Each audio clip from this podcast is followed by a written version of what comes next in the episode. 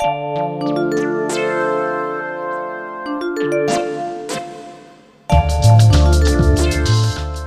og velkommen tilbake til en ny episode av podkasten Sofasnakk. Jeg heter Cecilie. Og jeg heter Heidi. Vi er psykologer i Bergen kommune, og vi håper at denne podkasten kan være nyttig for dere ungdommer, men også for lærere og foreldre.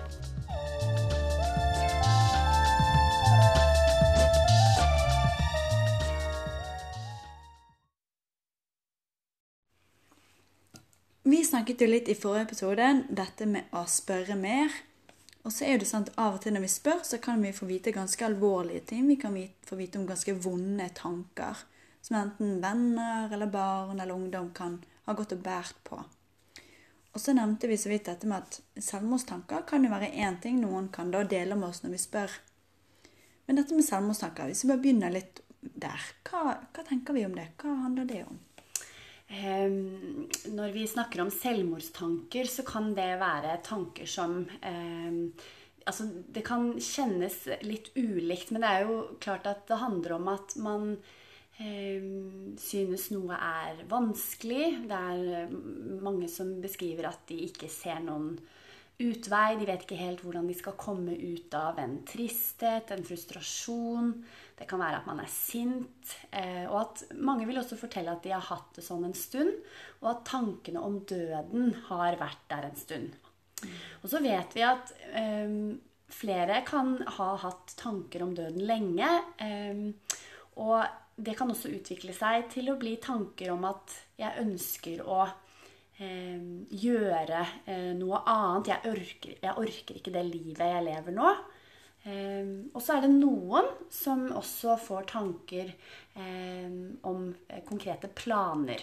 Så det er mange som kan tenke på døden. Eh, men når vi snakker om selvmordstanker, så kan det være med og uten planer.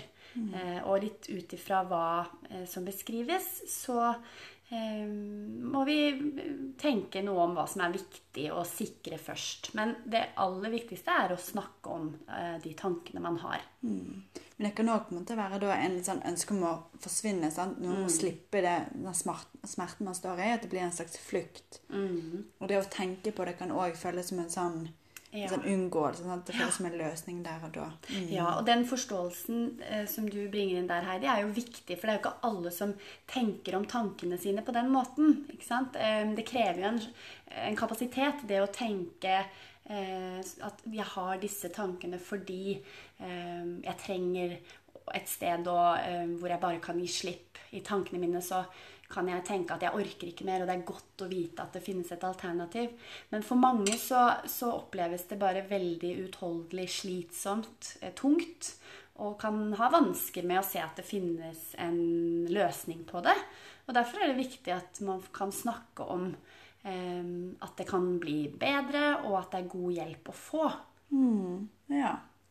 Det er så fint.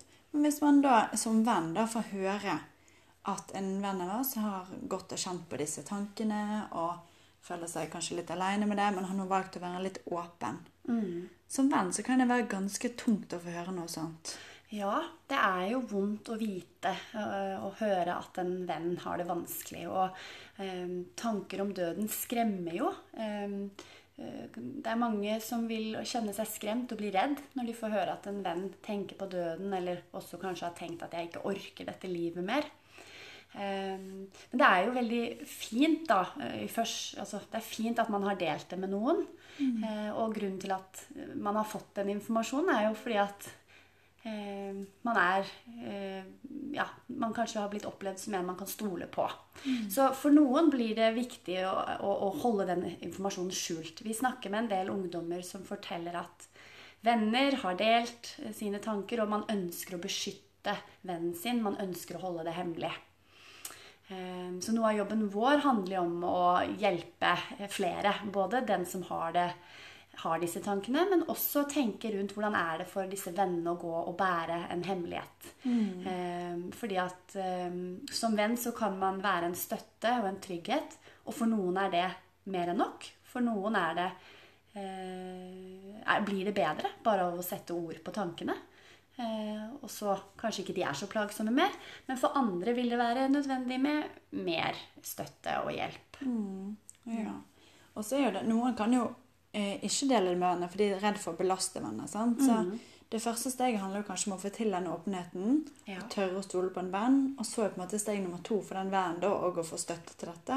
Ja. Eller kanskje koble på noen andre for at den, Ja. den som går med disse tankene, skal få mer hjelp. Ja, og jeg tenker at som venn så kan det være mm, eh, fint kanskje å være litt nysgjerrig på hvorfor denne vennen da, som har snakket om disse tankene, hvor, hvorfor har du eh, Kan det være noen grunner til at, eh, at det har vært vanskelig å snakke om dette? Har du prøvd å snakke med en foreldre eller en annen trygg voksen? En helsesøster på skolen, altså helsesykepleier, som vi kaller de nå.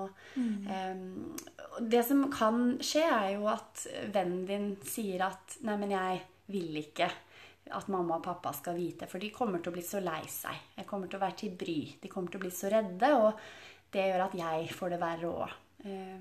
Så noe av den, den, den jobben vi, Heidi, gjør, er jo å trygge eh, ungdommen på at den voksne skal klare å ta imot den informasjonen på en god måte.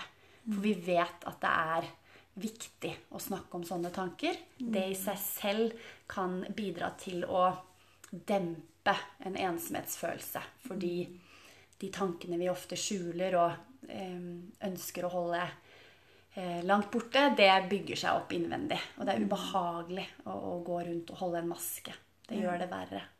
Så vi kan både være et sted der den med disse vonde tankene kommer og får delt det med noen og får snakket om det. Vi kan òg være et sted for den som har en venn. Ja. At man kan komme til oss og snakke om at man har en venn som sliter, og lurer på hva skal man gjøre med den informasjonen. Man kan føle at man holder på en stor hemmelighet som man ikke har noe sted å gå med. Og vi har jo taushetsplikt, så det å dele det med oss er trygt. Ja. Mm. Så det, er- det er viktig å snakke om det også. Hvor, hvor går vi når vi har fått vite om disse tankene? Eh, Og så er det jo mange som lurer på eh? Er det sånn at når min venn har eh, tanker om døden, tanker om at livet er vanskelig, tanker om at jeg orker ikke mer, eh, jeg ser ingen utvei Sånn, er, er vennen min deprimert? Eh, Det er det jo mange som spør om. Og, og det er klart at det, det kan jo være sånn at den vennen har hatt det tøft lenge. Og depresjon, en måte å forstå det på, er jo at ja, vi har, eh, vi, vi har eh, Etter et visst punkt så vil kroppen si ifra. Vi mister interesse, vi mister kanskje troen på oss selv. Vi, matlysten endrer seg når vi ikke liksom ser at vi klarer å påvirke egen hverdag. Og det kan jo være litt skummelt at man etter hvert tror at ikke det er mulig å endre på noe. Nettopp derfor er det klokt å koble på en trygg voksen. For det er alltid mulig å få det bedre.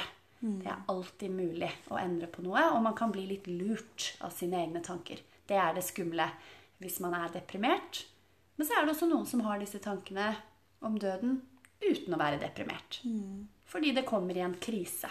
Ja. Kjæresten kan ha slått opp. Man kan ha kranglet med noen. Åh, jeg orker ikke dette livet. Så kanskje man deler det videre. Det betyr ikke at man ønsker eh, å slutte å leve. Man bare ønsker å komme ut av en vanskelig situasjon. Eller en vond følelse. Mm. Ja.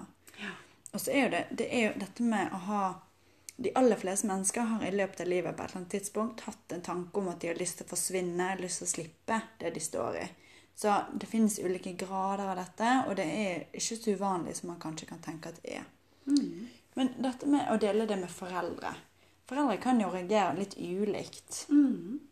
Og vi prøver jo å trigge ungdommer på at det er viktig å dele med voksen. voksen. Men de som har da foreldre som kanskje ikke Eller de som har, er usikre på hvordan foreldre vil håndtere dette, hva skal vi si til de? Jeg tenker at vi kan lage en, eh, en, eh, en plan med ungdommen. Hvis vi får lov til å være med og hjelpe til, så kan vi eh, være til stede når, eh, altså i rommet. Da. Det er jo noe som vi pleier å tilby hos oss. At når en ungdom har delt sine tanker med, med oss, så kan vi invitere en mamma eller pappa eller den som bor med ungdommen, i en samtale. Eh, og at vi på forhånd har planlagt litt hva vi skal si. Sånn at hvis ungdommen ikke øh, øh, ønsker å si noe, eller blir litt overveldet, usikker, så kan vi holde samtalen i gang. Og så kan vi også som voksne som jobber med dette, øh, ha et ansvar for å hjelpe foreldrene. At vi kan sette opp noen samtaler med foreldrene etterpå hvis, hvis, har, hvis foreldre har spørsmål, er usikre på hva som kan være til hjelp. Mm. Så det er, det er viktig å tenke på det at det er vanlig at foreldre ønsker litt veiledning. Det er helt normalt at foreldre trenger noen råd. Eh, og at det kan vi også tilby. Og så har jeg lyst til å si det, Heidi, at det, det er jo viktig at vi har en forståelse for hvorfor mange ungdommer velger å holde det skjult. Det kan være at de har prøvd før, og at det har blitt sterke anklager, at man blir sinna, trist. Og foreldre kan jo bli veldig sint når de egentlig er redde. Hvis man ikke vet hva man skal gjøre, hvis man ønsker å hjelpe barnet sitt, men ikke helt vet hvordan, så er det en del som tar kontroll over situasjonen med å bli sint. Og da kan man si ikke sant, 'Hvorfor har du ikke fortalt om dette før?' Og det burde du jo fortalt. Og det er jo her vi kan komme inn og, og hjelpe til i den samtalen og støtte ungdommen og minne foreldrene på at ungdommen har gjort det rette ved å dele det med en trygg voksen. Og så kan ofte foreldre komme etter hvert og bli eh, en trygg voksen, de òg. Mm. Og så er det noen som er veldig redd for å belaste foreldrene sine. sant? Foreldre står kanskje i mye annet. Det er kanskje en krise i familien. Og så går man rundt og så har man vonde følelser som man ikke tør å fortelle foreldre fordi man er redd for. Mm. Da blir det en ekstra belastning på de. Ja, og hva, hva, kan vi si til ungdommen om det, da? Er, mm. er det noe du, Heidi, tenker er, er, fint å gjøre i en sånn situasjon? Jeg tenker at Vi må jo vurdere det litt i hver enkelt situasjon. Ungdommer kjenner jo ofte foreldrene sine godt. jeg tenker Vi stoler mye på den opplevelsen de har, og hvordan foreldre tar imot ting. Mm. Men så er det jo noe med at de aller fleste foreldre ønsker jo gjerne å kjenne de vanskene ungdommene står i. Mm. De ønsker å få informasjon. De ønsker at ungdommen skal ha det bra. Ja. Så de fleste foreldre, og spesielt med litt veiledning, vil nok heller ha denne informasjonen og stå mm. i det sammen med ungdommen. Ja. Og så er det også sånn at vi har jo et lovverk i dag eh, som sier noe om hvilken informasjon eh, vi som f.eks. psykologer eller andre eh, som jobber innenfor helse Når er det vi må dele informasjon videre, selv om vi har taushetsplikt? Og når det er snakk om tanker om døden, eller i hvert fall tanker om at jeg ikke orker mer, og kanskje til og med har planer om å gjøre noe med de tankene, da kan vi vurdere at det begynner å bli utrygt for ungdommen å gå eh, eh, alene med tankene. De har delt det med oss, og det er en god start. Og hvis de fremdeles kommer i samtaler eller har andre som støtter dem, så kanskje det, vi kan vente litt.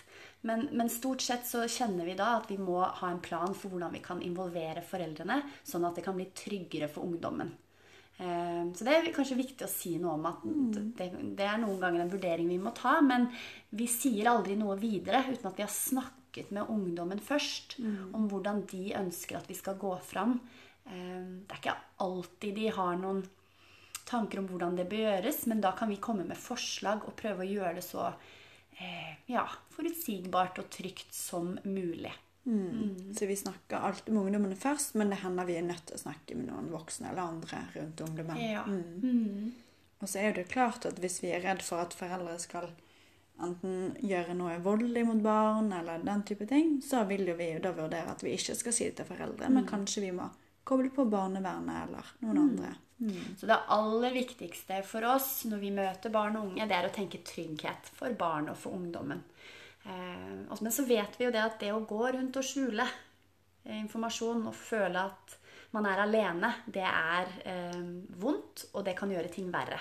Så det å tenke at disse tankene trenger åpenhet, de trenger å bli sett ikke sant? Og tenke at disse tankene om at man ikke orker mer, det er et veldig tydelig signal til oss på at nå må vi gjøre noe. Vi må bry oss og sammen ha en, en god plan som kan føre til eh, mer trygghet og mer håp.